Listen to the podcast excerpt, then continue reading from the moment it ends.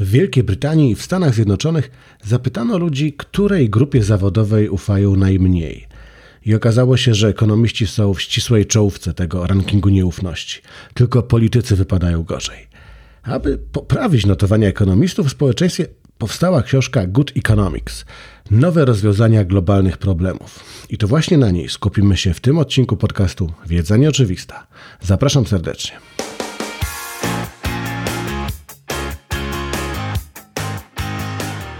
Założenia tej książki bardzo mi się podobają, bo są w kontrze do ekonomii z Wall Street, gdzie jedynym celem jest szybki zysk firmy, maksymalizowanie korzyści dla akcjonariuszy. I to bardzo mi się podobało już w opisie tej książki. Natomiast alternatywa, jaka jest w niej proponowana, już nie budzi we mnie takiego entuzjazmu, choć niektóre spostrzeżenia są z całą pewnością interesujące.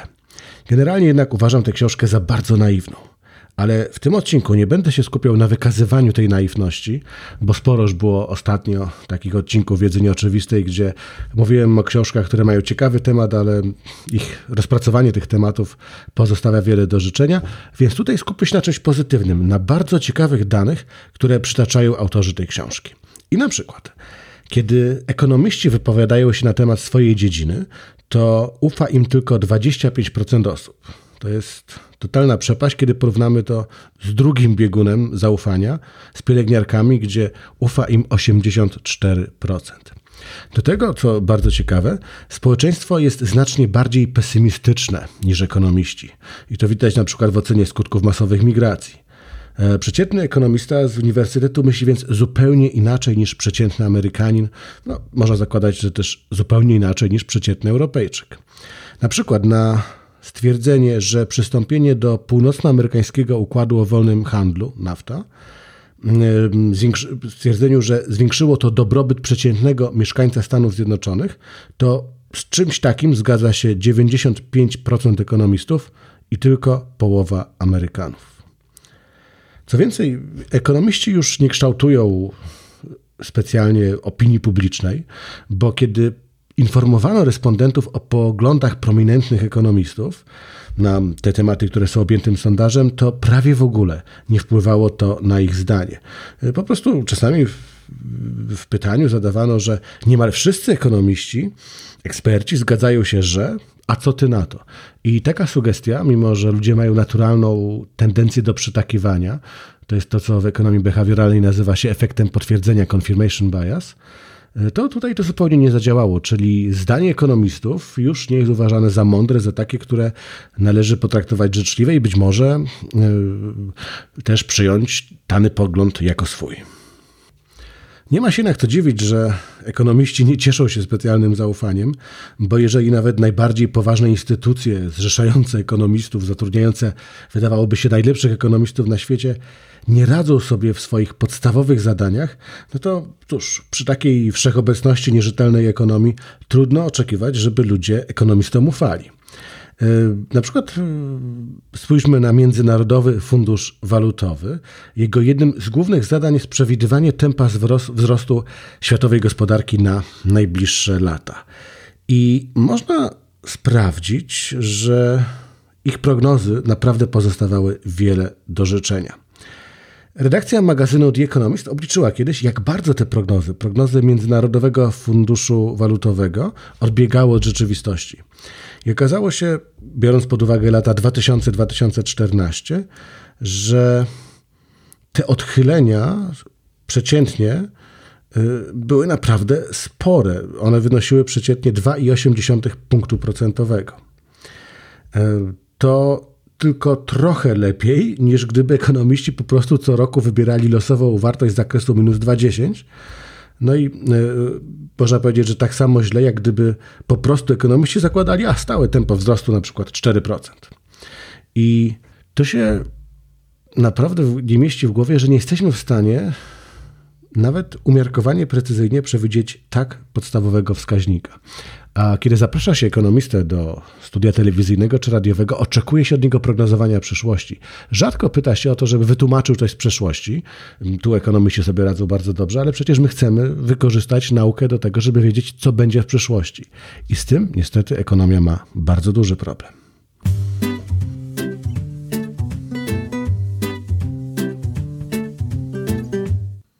Jeśli chodzi o inne ciekawe dane przywołane w tej książce, to na przykład dotyczą one bardzo silnej segmentacji elektoratu w Stanach Zjednoczonych. Okazuje się, że Amerykanie o różnych poglądach politycznych zaczęli się po prostu nienawidzić. W 1960 roku tylko około 5% republikanów i demokratów przyznawało, że odczuwałoby pewne niezadowolenie, gdyby ich dziecko zawarło związek małżeński ze zwolennikiem przeciwnej partii. A w 2010 roku było to już prawie 50% republikanów i ponad 30% demokratów. Tak duża część e, republikanów i demokratów twierdzi, że byliby trochę lub bardzo nieszczęśliwi z powodu perspektywy małżeństwa e, kogoś bliskiego, ich e, syna, córki z osobą popierającą inną partię. W 1960 roku 33% demokratów i republikanów uważało, że członkowie własnej partii są na ogół inteligentni, a 27% myślało tak o członkach partii przeciwnej. A w 2008 roku odsetki te wynosiły odpowiednio 62%. Uważamy, że wśród nas jest 62% ludzi inteligentnych i tylko 14% wśród zwolenników partii przeciwnej. Nie tylko nie chcemy się spotykać, e, wchodzić w jakieś relacje, ale po prostu drugą stronę uważamy za skrajnie głupią. Kolejne ciekawe dane przywołane w tej książce pochodzą z Norwegii i one pokazują, że większa świadomość własnego miejsca w schemacie dystrybucji dochodów zwiększa stopień, w jakim szczęście danej osoby właśnie zależy od jej zarobków. I to dało się porównać, ponieważ norweskie dane podatkowe od lat były dostępne publicznie, ale początkowo miały jedynie postać papierowych rejestrów, a to oczywiście utrudniało korzystanie z nich.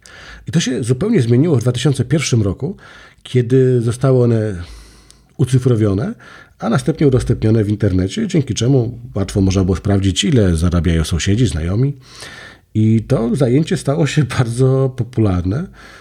Dziś wszyscy w Norwegii wiedzą, gdzie znajdują się w porównaniu z resztą społeczeństwa, i okazało się, że po porównaniu danych można było zaobserwować, że biedni posmutnieli, a bogaci stali się szczęśliwsi. I jak piszą autorzy książki Good Economics, wygląda na to, że świadomość własnego miejsca na drabinie społecznej rzeczywiście ma wpływ na samopoczucie. I to warto zestawić z bardzo ciekawym badaniem, które pokazuje, że jawność płac tak naprawdę utrudnia domaganie się podwyżki. Że w tych krajach, gdzie jest ona większa, na przykład tak jak w Norwegii, pracodawcy boją się udzielić komuś podwyżki w wyniku indywidualnych negocjacji, bo wiedzą, że ten fakt stanie się powszechnie znany, więc zaraz kolejne osoby przyjdą po podwyżkę. Czyli coś, co miało zapobiegać niesprawiedliwościom, coś, co miało w sumie wzmocnić pracowników, żeby oni wiedzieli, kiedy mogą domagać się podwyżki, bo na przykład y, osoby na podobnych stanowiskach, o podobnych kompetencjach zarabiają lepiej, więc trzeba im taką wiedzę dostarczyć, to w tej sytuacji okazało się, że jednak to działa na ich niekorzyść, bo pracodawcy wiedzą, że jednorazowa decyzja w stosunku do jednej osoby bardzo szybko y, spowoduje presję, że kolejne osoby także się będą tego domagały. Naturalnie, nawet jeżeli nie ma jawnego, nie ma takiego jasnego systemu, który by to wszystko agregował i pokazywał, ile kto zarabia, to te informacje i tak krążą, ale kiedy to jest y, bardzo łatwo dostępne, no to w sumie trudno się dziwić pracodawcom, że każdą podwyżkę będą poprzedzali długim namysłem i raczej nie będą temu tak chętni. Zatem to były najciekawsze dane, moim zdaniem, w książce Good Economics. Zgodnie z zapowiedzią pomijam zachwyty autorów nad rzeczami bardzo kontrowersyjnymi z mojego punktu widzenia, na przykład nad bezwarunkowym dochodem podstawowym, no bo tu jest ta sama argumentacja, o której już kiedyś mówiłem w wiedzy nieoczywistej. Tutaj wręcz można powiedzieć, że naciągają argumentację za wprowadzeniem bezwarunkowego dochodu podstawowego już y, naprawdę do granic możliwości. O, też nie będę tutaj wypominał szczegółowo autorom tego, że kiedy omawiają temat migracji, objaw związanych e, z powszechną migracją, to nie dostrzegają wielu istotnych obaw, które są w społeczeństwie, skupiają się tylko na tym, na tych e, zarzutach, na tych niepokojach, które łatwo im rozbroić. Więc to zostawiamy z boku. Ten odcinek ma być optymistyczny, bo taka w założeniu jest ta książka. Nawet jeżeli naiwna, to wieje z niej optymizmem i choćby dlatego warto ją przeczytać. To wszystko w tym odcinku. Zapraszam na kolejny podcast serii Wiedza Nieoczywista. Bartłomiej Biga. Do usłyszenia.